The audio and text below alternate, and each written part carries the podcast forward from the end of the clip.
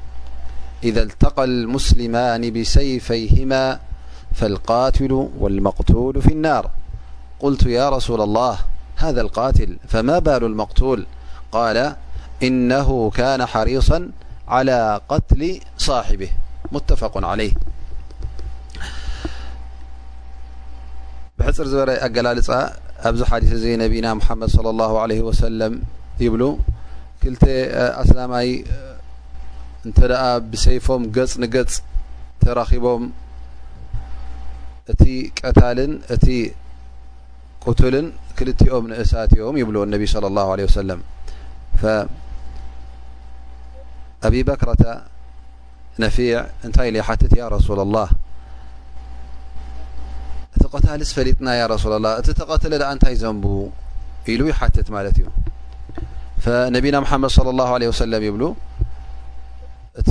እተቐትለ እውን ነቲ ሓዉ ንክቐትል ሃቂኑን ተበጊሱን ስለ ዝነበረ ብሰንኪ እዚ ሓሳብ እዚ እዚ ንያ እዚ እዚ ምንቅስቃስ እዚ እሱ እውን ንጀሃንም ይብሉ ንእሳት ይብሉ እነቢ ለ ላ ለ ወሰለም እዚ እቲ ብሕፅር ዝበለ ኣገላልፃ ዝሓዚ እዚ እንሻ ላ ኣብቲ ትንተና ንኣቱ ሕጂ ኢዘ ልተቀ ልሙስሊማን ብሰይፈይሂማ ክብሉ ከሉ ነቢና ሙሓመድ ለ ላ ለ ወሰለም ማለት ክልቲኦም ገፅ ንገፅ ተራኪቦም ክልተ ኣስላማይ ብዘይ ገለ ምኽኒት ማለት እዩ ማለት እቲ ሓዲኦም ዓሚፁ ኣይኮነን መፅዩ ዘሎ እንታይ ደኣ ክልቲኦም ብዘይ ኣብ መቕተልቲ ኣብ ምቅታል ኣብ ዘየብፅሕ ጉዳይ ባዕሎም ብሕርቃን ይኹን ብካልእ ምኽኒት ኣብ ምቅታል ክበፅሑ ከለዉ እሞ ከዓ ክልቲኦም እቲ ንመቕተሊ ዝኸውን መሳርያ ሒዞም ክቐርቡ ከለዉ ብ ኣብቲ ግዜ ነቢና ሓመድ ስ ሰለ መብዝሕቲ ሰብቲ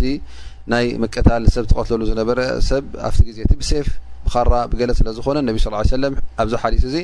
ሴፍ ጠቒሶም ማለት እዩ ስለዚ ግዴታ ሴፍ ኣይኮነ እንታይ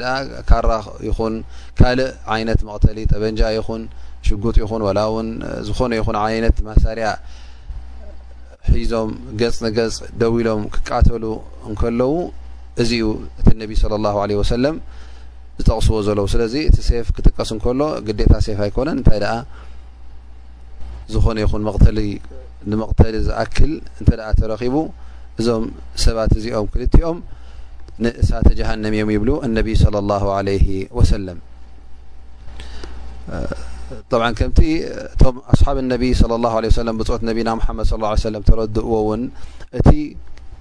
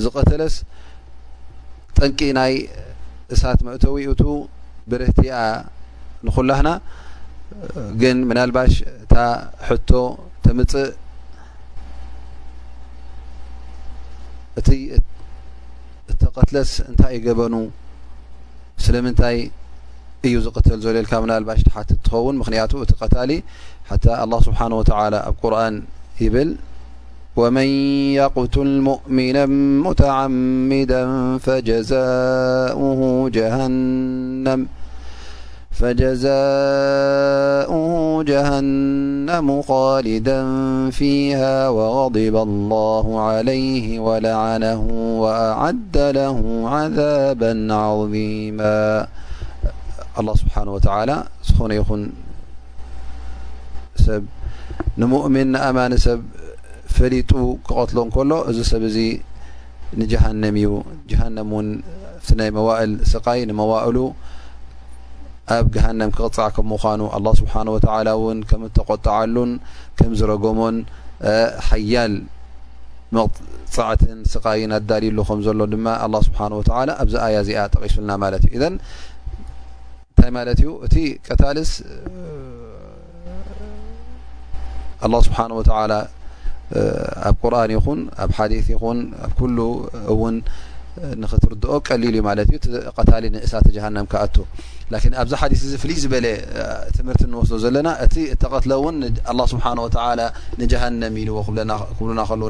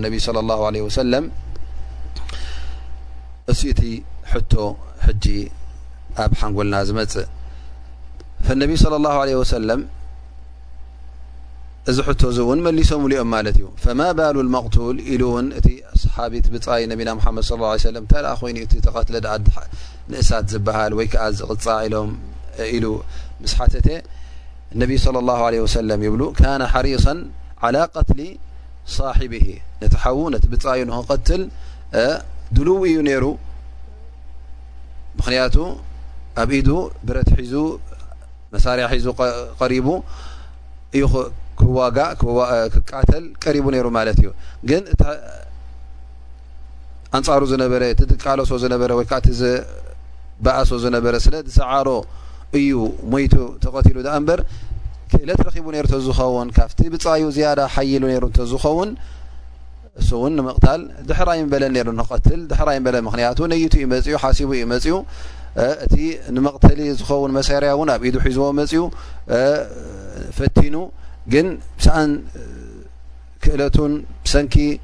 ስንፍንኡን ስለ ዘየራኸበ እዘን እቲ ቀታእቲ ተቐትለውን እንታይ ይኸውን ማለት እዩ በዚ ምክንያት እዚ ድልት ስለ ዝነበሮ ይቅትል ማለት እዩ እዘ እዚ ሓዲስ እዚ ሕጂ ኣብ ምንታይ ዘእትወና ዘሎ ማለት እዩ ምስቲ ቀዳማይ ሓዲስ ዝጠቀስናይ ኣቁፅሪ ሓደ ኢነመ ኣዕማሉ ብንያት ዝብል ማለት እቲ ናይ ንያት ሓሳብካ እቲ ሓሲብካዮ ንኸተተግብሮ ሃቂንካ እውን እቲ ጠንቅታቱ እተ ተቀራሪብካሉስ እዚ እውን ከም ዝገበርካዮ ከም ዝቑፀር እዩ ዘርእየና ዘሎ ማለት እዩ።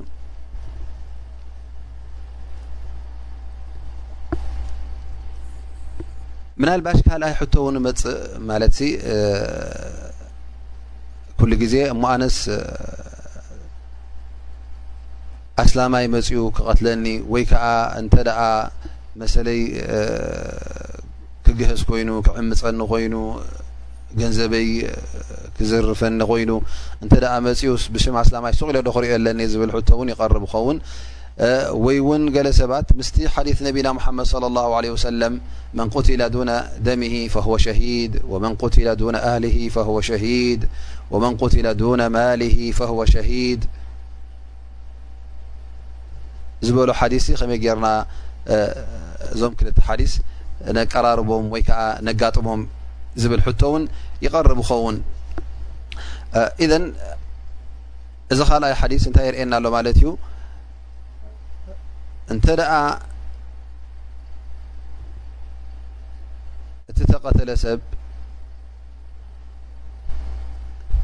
ንብረቱ ንክሕሉን ክብረቱ ንክሕሉ ማሉ ስድርኡ ስድራ ቤቱ ሓደ ሰብ እንተ ደኣ መሰሎም ክግህሶም ክቐትሎም ገለ ክገብሮም እንተ መፅኡ እሞ ኣብዚ ጉዳይ እዚ ዝቐተል ግን ወላ እውን ገጽ ንገጽ ተራኺቦም ዘለዉ ክልቲኦም ኣስላም ይኹኑ ደኣ እምበር እቲ ተቐትለ ኣብዚ ሰዓት እዚ ሸሂድ ሰማእታ እዩ ዝቑጽር ስለምንታይ እነቢ ስ ሰለም የቁል መን ቁትላ ዱነ ደሚሂ ፈህወ ሸሂድ ማለት ዋላ እውን ኣስላማይ ኮይኑ መፅኡ ንዓኻ እንተ ንክቀትለካ ኢሉ መፅኡ ብዘይ ገለ ሓቂ ዘይብሉ ነገር ብዘይ ምፍራድ ብዘይ ከውን ነገር ንዓኻ ብዓመፅ ክቐትለካ እንተ መፅኡ ንስኻ ሕጂ ነዚ ክቀትለካ ሓሲቡ ዘሎ ክትከላኸሎ ኣለካ እንተ ክኢልካ ኣብ መቕተልቲ ከይተባፃሕካ ክትመልሶ እተ ክኢልካ ፅቡቅ ተዘይኮይኑ እውን ወላ ክትቃተል ኣለካ ምስ ክትዋጋ ኣለካ ምስ ሓደ ይኸውን እተ ቀትልካዮ ንስኻ ተዓዊትካ ኣልሓምዱልላ ፅቡቅ እንተ ቀቲሉካ ንሱ ክዕምፀካ ስለ ዝመፀ እስኻ ሕጂ ከምቲ ብዚ ሓዲስ ዝጠቐስናዮ ንእሳተ ጀሃነም ኣይኮንካ ትበሃል ምክንያቱ ሕጂ እስኻ መሰልካ ክንክትሕሉ ኢልካ ኻ ትቃተል ነርካ ማለት እዩ ስለዚ ኣብዚ ሰዓት እዚ እስኻ ሸሂድ ኢኻ ትቁፅር ንጀና ኢኻ ማለት እዩ ወመን ቁትላ ዱና ኣህሊ ነብስኻ ንምሕላው ወይ ከኣ ስድራ ቤትካ፣ ኣህሊ ቤትካ ትከላኸለሎም ኢልካ ክቐትሎም፣ መሰሎም ክግህሶም ወይ ከኣ ዝኾነ ይኹን ዓይነት ጉድኣት ንኸውርደሎም ኢሉ ዝመጸ ሰብ ወላ እውን ኣስላማይ ይኹን ክትከላኸል ኣለካ። ንማልካ ከማን ገንዘብካ ክሕድገካ ገንዘብካ ክምንጥለካን ክዝርፈካን እንተ መጺኡ እውን ትከላኸል ኣለካ ዋላ ውን ብሂወትካ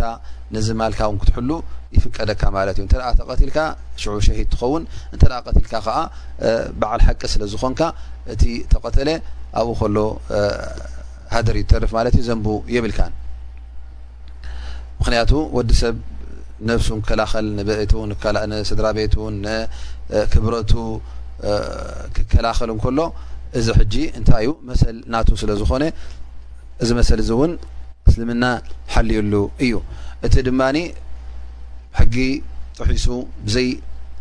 መሰል ብዘይ ሓቂ መፅኡ ንዓኻ ክዕምፅ ስለ ዝመፀ ድማ እቲ ደሙ ኮንቱ ኮይኑ ይተርፍ ማለት እዩ እንተ ሞይቱ ኸዓ ኣላ ስብሓን ወተላ በቲ ናቱ ንያርኡ እዚ ቅትሉ እዚ ክዕምፅ ስለ ዝመፀ ኣላ ስብሓን ወተላ ንእሳተ ጀሃንም ይብሎ ማለት እዩ ኢዘን እዚ ሓዲስ እዚ ሕጂ እቲ ቐንዲ እታት ነጥብታት ወይ ከዓ እቲ ፋይዳታት ንወስዶ እንታይ እዩ እዚ ሓዲስ እዚ ሰብ ምቕታል ብዘይገለ ሓቂ ጀሃንም ዘእቱ ከም ምኳኑ ይሕብረና ማለት እዩ እዚ ሓዲስ እዚ ሰብ ክትቀትል ከለካ ሰብ ምቕታል ዓብ ዘንቢ ከም ምኳኑ እዩ ዘርእየና ዘሎ ተካቢሉ እውን ንጀሃንም ከም ዘእትወካ ንእሳተ ጀሃንም ከም ዘእትወካ ስለዚ ሂወት ወዲ ሰብ ኩሉ ግዜ ሕልው እዩ ክትሕልዎ ኣለካ ብዘይገለ ምክኒት ወይከዓ ብዘይገለ መስረጂ ኣብ መቕተልቲ ዘብፅሕ ነገር ዘየሎ ነገር ንክትቀትሎ ከም ዘይፍቀድ እንተ ደኣ ዘቕትል ነገር ገይሩ ግን ብሕጊ ኮይኑ ወይ ከዓ ብምክልኻል ኮይኑ እተ ቀትል ተቐትሉ እዚ ብሓቂ ተቐትሉ ማለት እዩ ስለዚ ኣብዚ ዘጠቐስናዮ ደርሲ እትው ኣይኮነን ማለት እዩ ከምኡ ውን እዚ ሓዲስ እዚ እንታይ የርእየና እቶም ብፆት ነቢና ሙሓመድ صለ ላ ለ ወሰለም ኣስሓብ ነቢ ለ ላ ለ ወሰለም ዘደናግሮም ነገር ክርከብ እንከሎ ካብቲ ነቢና ሓመድ ለ ላ ሰለም ዝጠቕስሎም ነጥብታት ሓድሽ ፍልጠት ስለ ዝኾነ ንኦም እቲ ካብ ኣላ ስብሓን ወተላ ዝመፅ ዘነበረ ዋሓይ ነቢና ሙሓመድ ስለ ላ ለ ሰለም ክርድእዎ ዘይከኣሉ ሱቕ ኢሎም ብሸለል ዘሕልፍዎ ከም ዘይነበሩ እንታይ ደኣ ንኽርድኡ ንኽፈልጡ ይቃለሱ እዮም ነይሮም ንኽርድኡ ንኽፈልጡ እውን ንነቢና ሙሓመድ ሰለላሁ ዓለይሂ ወሰለም ይሓቱ ነይሮም፣ ወነቢይ ሰለላሁ ዓለይሂ ወሰለም ከምቲ ግቡእ የብርሁሎም ነይሮም ማለት እዩ። ስለዚ እዚ ሕቶታት ከም ዝኣመሰለ እውን ንዓና ነቲ ዲን ብድሕሪኡ በሪሁ ጸኒሑና ማለት እዩ። ዘሸግር ነገር ዘይንርዳእ ነገር የለን። ምክንያቱ ኣላህ ስብሓነሁ ወተዓላ እቲ መልእኽቲ ንገዛእ ርእሱ ክልእኮ እንከሎ ናብ ደቂ ሰብ ወዲ ሰብ ሒዝዎ ከም ዝመጽእ እቶም ዝሰምዑ ድማ ደቂ ሰባት ኮይኖም እሂን ምሂን ተባሂሎም ምስቲ ልኡኽ ጎይታ ምስቲ ልኡኽ ኣላ ስብሓን ወተዓላ ከመይ ኢሎም ከብኡ ክርድኡን ካብኡ ክሰምዑን እቲ ንኹሉ ሰብ ዘደናግር እውን እሶም ስለ ዝሓትሉ እቲ ነገር በሪሁ ይፀንሐ ፀኒሑና ማለት እዩ ንሕና እውን ኣብቲ ክታብ ረብን ኣብቲ ሱና ነቢና ሙሓመድ ለ ላ ሰለም ማለት ኣብቲ ሓዲ ነቢ ለ ላ ሰለም ዘጠራጥርን ወይ ከዓ ዘደናግር ነገር ከም ዘየለ ኮይኑ ንረኽቦ ምክንያቱ እቶም ኣስሓብ ነቢ ስለ ላ ሰለም ቅድሜና ንነቢና ሓመድ ስለ ላ ሰለም ይሓቱ ስለ ዝነበሩ እቲ ጉዳይ በሪሁ ፀኒሑና ማለት እዩ ንኣብነት ነቢ ስለ ላ ለ ሰለም እውን ብዛዕባ ኣብ ኣክረ ዘማን ኣብ መጨረሻ ዓለም ዝርከብ ነገራት ክሓቱ ከለዉ እደጃል ዝበሃል ኪመጽእ እዩ። ሽዑ ንኣርብዓ መዓልቲ ኣብዛ ዓለም እዚኣ ኪመጽእ እንከሎ፣ እቲ ናይ መዓልቲ እዋን ኪቀያየር ኢሎም፣ ሓደ መዓልቲ ዳርጋ ክንዲ ዓመት ኪኸውን እዩ፣ እቲ ሓደ መዓልቲ ክንዲ ወርሒ፣ እቲ ሓደ መዓልቲ ክንዲ ሰሙን ኢሎም ምስ ጠቐሱ ንነብዪ ሰለላሁ ዓለይሂ ወሰለም እቶም ብጾቶም እቶም ኣስሓብ ነብዪ ሰለላሁ ዓለይሂ ወሰለም እሞ ያ ረሱለላህሲ ከመይ ጌርና ኢና እንሰግድ?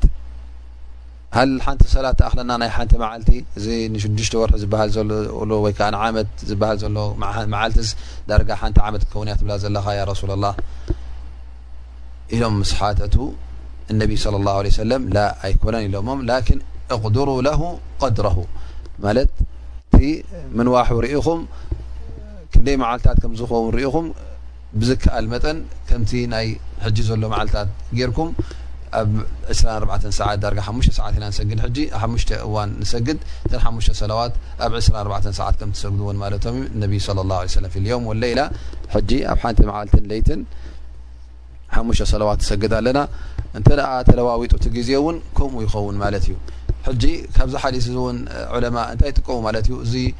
ኣብ ብጣዕሚ ኣብ ሰሜን ኣብቲ በረድ ዘለዎ ኣብ በዓል ሳይቤርያ ገለ መሬታት ነዊሕ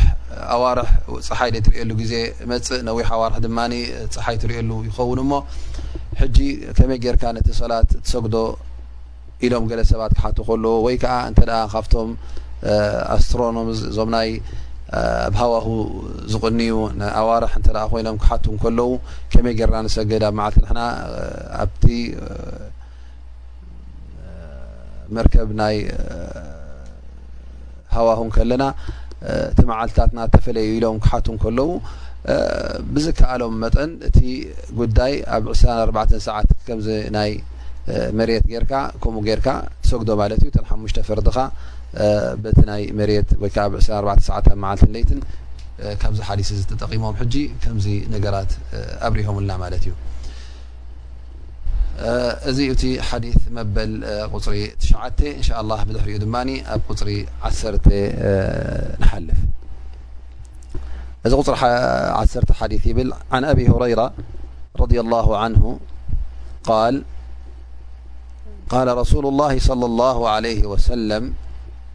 صلاة الرجل في جماعة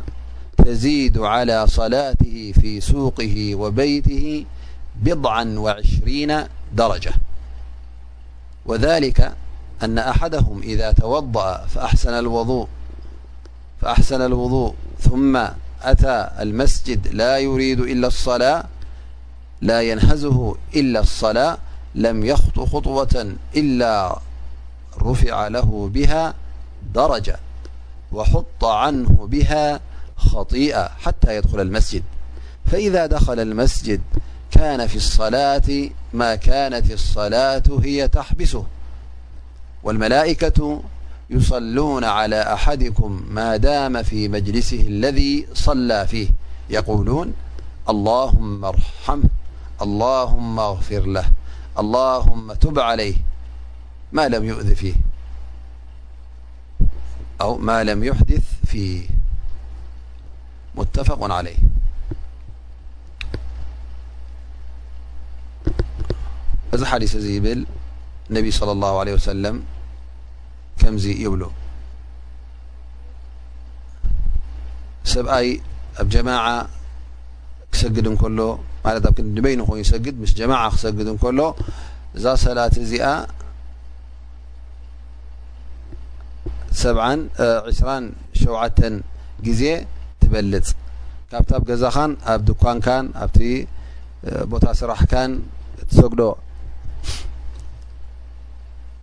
ሰላት እቲ ጀማዓ ኮይንካ ኣብ መስጊድ ኮይንካ ምስቶም ኣሕዋትካ እትሰግዶ ይበልፅ ብክንደይ ደረጃ ብዕስራን ሸውዓተን ደረጃ ስለምንታይ ይብሉ ነቢ ስ ሰለም ምክንያቱ ዝኾነ ይኹን ሰብ ሰላት ልጀማዓ ኢሉ ንክሰግድ እንታይ እዩ ዝገብር መጀመርያ ውዱእ ገይሩ ጽቡቕ ውዱእ ገይሩ ይብገስ ማለት እዩ ኣብ ገዝኡ ድሕሪኡ ትኽ ኢሉ ንመስጊድ ኢሉ ካብ ገዝኡ ተበጊሱ ንመስጊድ ንክኸይድ ብንያ ኣብኡ ሰላት ንክሰግድ ኢሉ ክኸይድ እንከሎ መበገሲኡ ብጀካ መስጊድ ካልእ ነገር ድልት ዘይብሉ ክኸውን እንከሎ ኣብዚ ሰዓት እዚ ዝኾነት ስጉምቲ ዝወስዳ ኣላ ስብሓን ወተዓላ ደረጃ ናቱ ክብ የብሎ ደረጃ ይውስኾ ከምኡ እውን ካብቲ ዘንብታት ናቱ የጉድለሉ ክሳዕ ኣበይ ክሳዕ መስጊድ ዝኣቱ እዘን ዝኾነት ስጉምቲ ሕጂ ክልተ ነገር ትገብረልካ ማለት እዩ ደረጃኻ ኣጅርኻ ሓንቲ ትውስኸካ ካብቲ ዘንብታትካ ድማ ትንክየልካ ድሕሪኡ መስጊድ ምስ ኣተወ ድማ ይብሉ ነቢ ስ ሰለም ኣብቲ መስጊድ ኮፍ ክብል እንከሎ እንተ ሰላት ክጽበያ እንከለሎ ክሳዕ ኢቃማ ዝግበር ክሳዕ ዝስገድ ክሳዕ ኣዛን ዝግበር ወይ ቅድሚ ኣዛን እንተ መጺኡ ክሳዕ ኣዛን ተገይሩ ክሳዕ ዝሰግዱ ኮፍ ኢሉ ክጽበ ከሎ ንዓኣ እዚ ገዛእ ርእሱ ኣጅሪ እዩ ዝኸተበሉ እቲ ግዜ ኮንቱ ይኮነን ዝጠፍእ እንታይ ደኣ ኣጅሩ ኣለዎ ምክንያቱ መላኢካ ንገዛእ ርእሶም መጺኦም ንዝኾነ ይኹን ሰብ ኮፍ ኢሉ ሰላት ዝጽበ ዘሎ ዱዓ እዮም ዝገብሩሉ እንታይ ይብሉ ኣላሁማ ኣርሓምሁ ኣላሁማ ኣግፊር ለሁ ኣላሁመ ቱብ ዓለይህ ኣንታ ረቢ ኣንታ ጎይታ ራህርሃሉ መሓሮ ቶባ በለሉ ንስሓ እየ ተቐበለሉ ኢሎም ዱዓ ይገብርሉ ማለት እዩ እዚ ብሕፅር ዝበለ ኣተሓባብራ ማለት እዩ እንሻ ላ እቲ ትንተና ሰፊሕ ትንተና ሕጂ ንኣትዎ እዚ ሓዲስ እዚ እንታይ ዘርእየና ዘሎ ኣገዳስነት ናይ ሰላት ጀማ ጀማ ኮይንካ ንክትሰግድ ብዝያዳ መስጊድ ኬድካ ንክትሰግዳ እዚ ጠብ ወተባዕታ እዩ ብቀንዱ እቲ ዋጅብ ግዴታ ዝኸውን ጓል ንሰይቲ ግን ዝበለፀ ኣብ ገዝኣ እያ ትሰግድ እንተ መስጊድ ክትከይድ ደልያ እውን ኣብ መስጊድ ክትሰግድ እ ደልያ እውን ኣይትክልከልን እያ ይፍቀዳ እዩ ወላ እቶም ስድራ ቤታ እውን ክክልክልዋ የብሎምን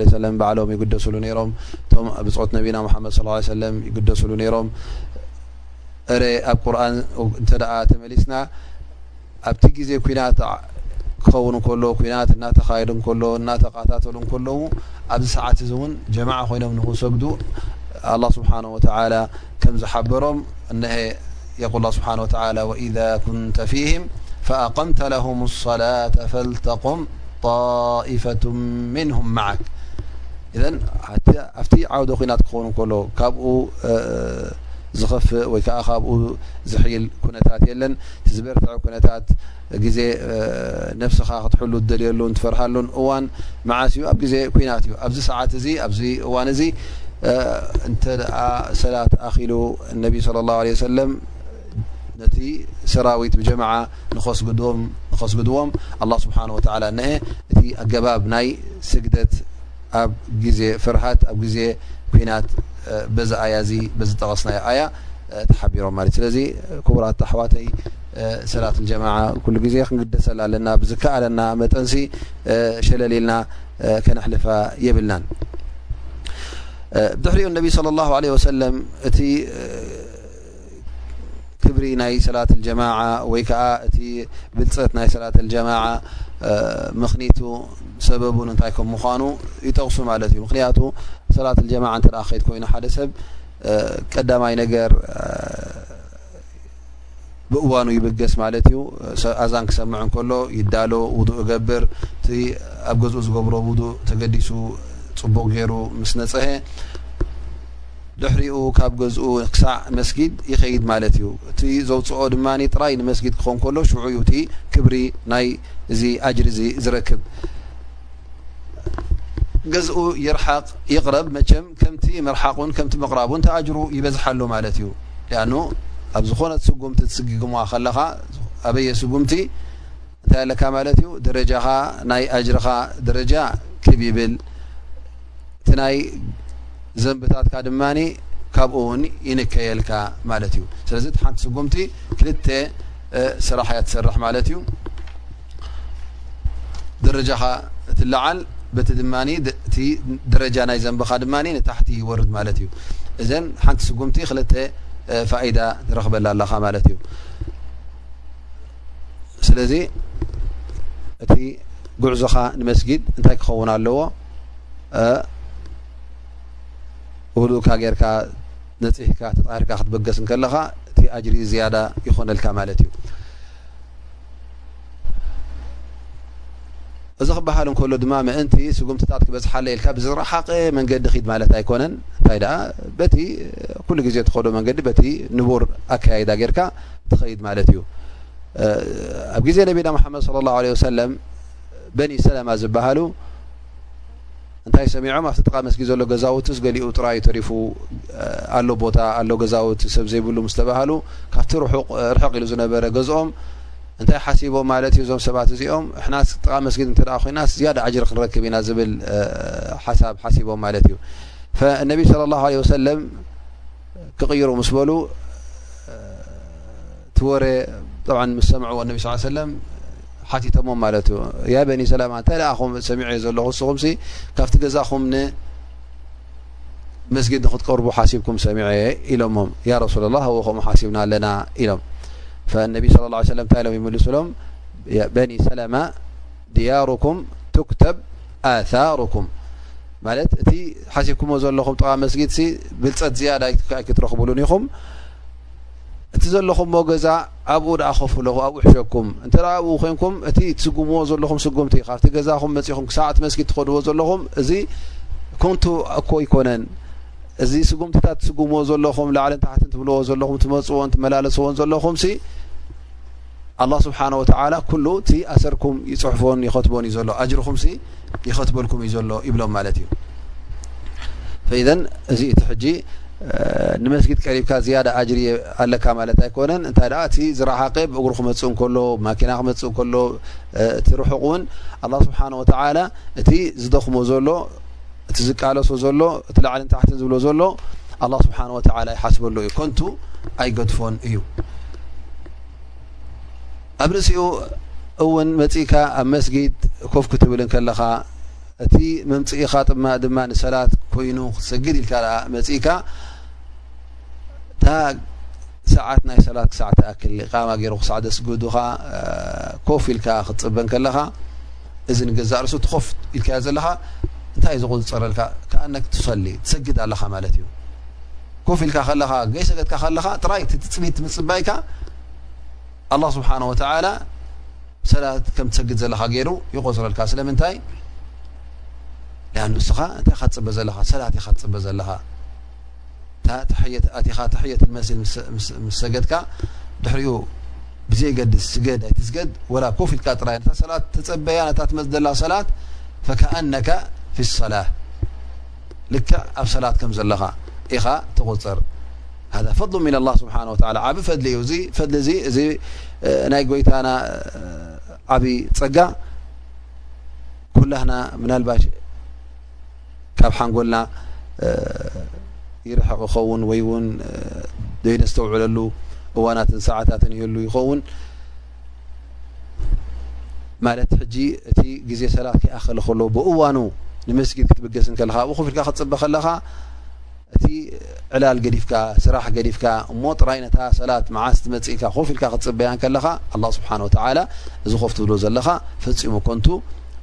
ኣይሰዶን እዩ እንታይ ደኣ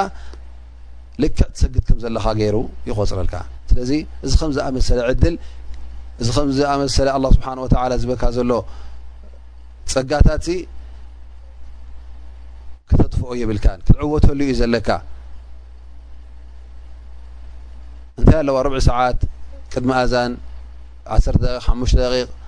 እንተ መጻእካ እንታይ ኣለዎ እዚ ኮፍ ኢልካ ከለኻ ኣላህ ስብሓን ወተዓላ ኣጅሪ ናይ ሰላት ዝኸትበልካ ስለ ዝኾነ ቀሊል ነገር ኣይኮነን ኣብ ርእሲኡ ራብዓይ ነጥቢ እውን ኮፍ ኢልካ ክትጽበ ከለኻ እቶም መላእካ ትሰሊ ዓለይክ መላእካ ድዓ ትገብረልካ ኣላሁማ ኣግፊር ለሁ እታ ጎይታ መሓሮ ኢኻ ኣላሁማ ኣርሓምሁ እታ ጎይታ ራህርሃሉ ኢኻ ኣላሁመ ቱብ ዓለይህ ኣንታ ጎይታ ዘንቢ ሕፀበሉ ንሳሓየኡ ተቀበለሉ ኢሎም መላኢካ ዱዓ ገብሩልካ ማለት እዩ ስቕ ኢልካ ከለኻ ድዓ ከይገበርካ ከለኻ ኣለዉ ካልኦት ቶም ብሉፃት ቶም ረቢ ዝፈትዎም እቶም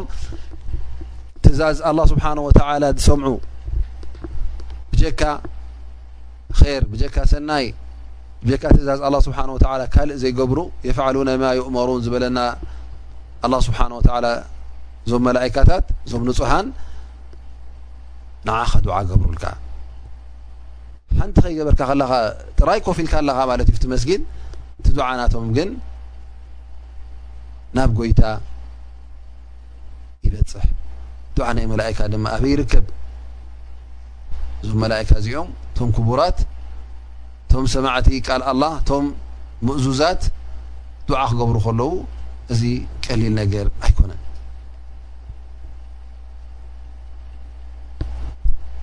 እዚ ሓዲስ እዚ ምስቲ ናይ ባብ ኣንያ መእተዊኡ ድማ እንታይ እዩ እንተ ክንብል ኮይና እነሀ ነቢ ሰለላሁ ዓለይሂ ወሰለም እንታይ ጠቒሶም ማለት እዩ እዚ ሰብ እዚ ውዱኡ ገይሩ ካብ ገዝኡ ክወፅእ እንከሎ ብጀካ ሰላት ካልእ ነገር እንተ ደኣ ዘየውፅኦ ኣማ እንተ ደኣ ኣብ መስጊድ ምስ ዓርኩ ቆፀራ ነይርዎ እንተ ደኣ ኮይኑ ኣብኡ ንዕልል ክብሉ እንተ ደኣ ኮይኖም ወይ እውን ኣንጊሁ እዩ ንስራሕ ወፅኡ እሞ ኣብቲ ጥቓ ስርሑ እታ መስጊድ ነይራ ሞኒ ዳሕራይ ንታ መስጊድ እንተ ደኣ ከይዱ እቲ ካብ ገዛ ዘውፅኦ ንስራሕ ኢሉ ዝኾዶ እዚ ንያ ናይ መስጊድ ኣይኮነን ንያኡ ናይ ምንታይ እዩ ነይሩ ንያ ናይ ናይ ሹቅ ናይ ስራሕ እዩ ነይሩ እሞኒ ስለዚ ከም ንያኻ እዩ ግን እንተ ደኣ ካብ ገዛኻ ክትወፅእ ከለኻ ነይትካ ሓሲብካ ኣነ ሕጂ ተኺደ ንመስጊድ የልካ እንተ ደኣ ኣብኡ ኮፍ ክብል ሰላት ንክሰግድ ሰላት ንክፅበልካ እንተ ደኣ ኬትካ እዚ በይኑ እዩ እዚ እቲ ኣጅሪ ዘለዎ ግን ካልእ ነገር ኣዕሩኽካ ኣለዉ ኣብኡ ክትዘናጋዕ ኣብኡ ከተዕልል ኢልካ ካልእ ነገራት እንተ ቆጸራ ነይሩ እኳ ኮይኑ እዚ ነገራት እንተ ኣትይዎ ግን ታንያ ኣይጸረየትን ማለት እዩ ተሓሳብ ኣይጸረየትን ማለት እዩ ስለዚ እቲ ነቢና ሙሓመድ ስለ ላ ሰለም ዝበልዎ ኣጅሪ ኣብ ዝኾነት ስጉምቲ ሓንቲ ደረጃ ናይ ኣጅሪ ክትውስኽ ካብቲ ዘንብታትካ ክጎድል እንተደኣ ኮይኑ ዱዓ ናይቶም መላኢካ ክትረክብ እንተደኣ ኮይኑ እዚ እንተደኣ ደሊኻ እታ ንያኻ ከተፅር ኣለካ ማለት እዩ ንያኻ ከተንፅህ ኣለካ ማለት እዩ እቲ መበገሲኻ ብጀካ ንሰላት ንኻልእ ክኸውን የብሉን ምኽንያቱ እቲ ጠሃራ ናይ ኣካልካን ምስቲ ማለት ንጽህና ናይ ኣካልን ንጽህና ናይ ልብን ሒዝካ ክትቀርብ እንከለኻን ካልእ ሓሳባት ክህልወካ እንከሎም በበይኑ እዩ ስለዚ እቲ ኣላ ስብሓን ወተላ ኣጅሪ ዝኸትበሉ ሰብ ነዚ ናይ ነቢና ሙሓመድ ለ ላሁ ለ ሰለም ዝሃቡና ሓበሬታ ኣበጋግሳናትካ ፀሪኻ ውድኡ ጌርካ ካብ ገዛኻ ሓሳብካ ጥራይ ነቲ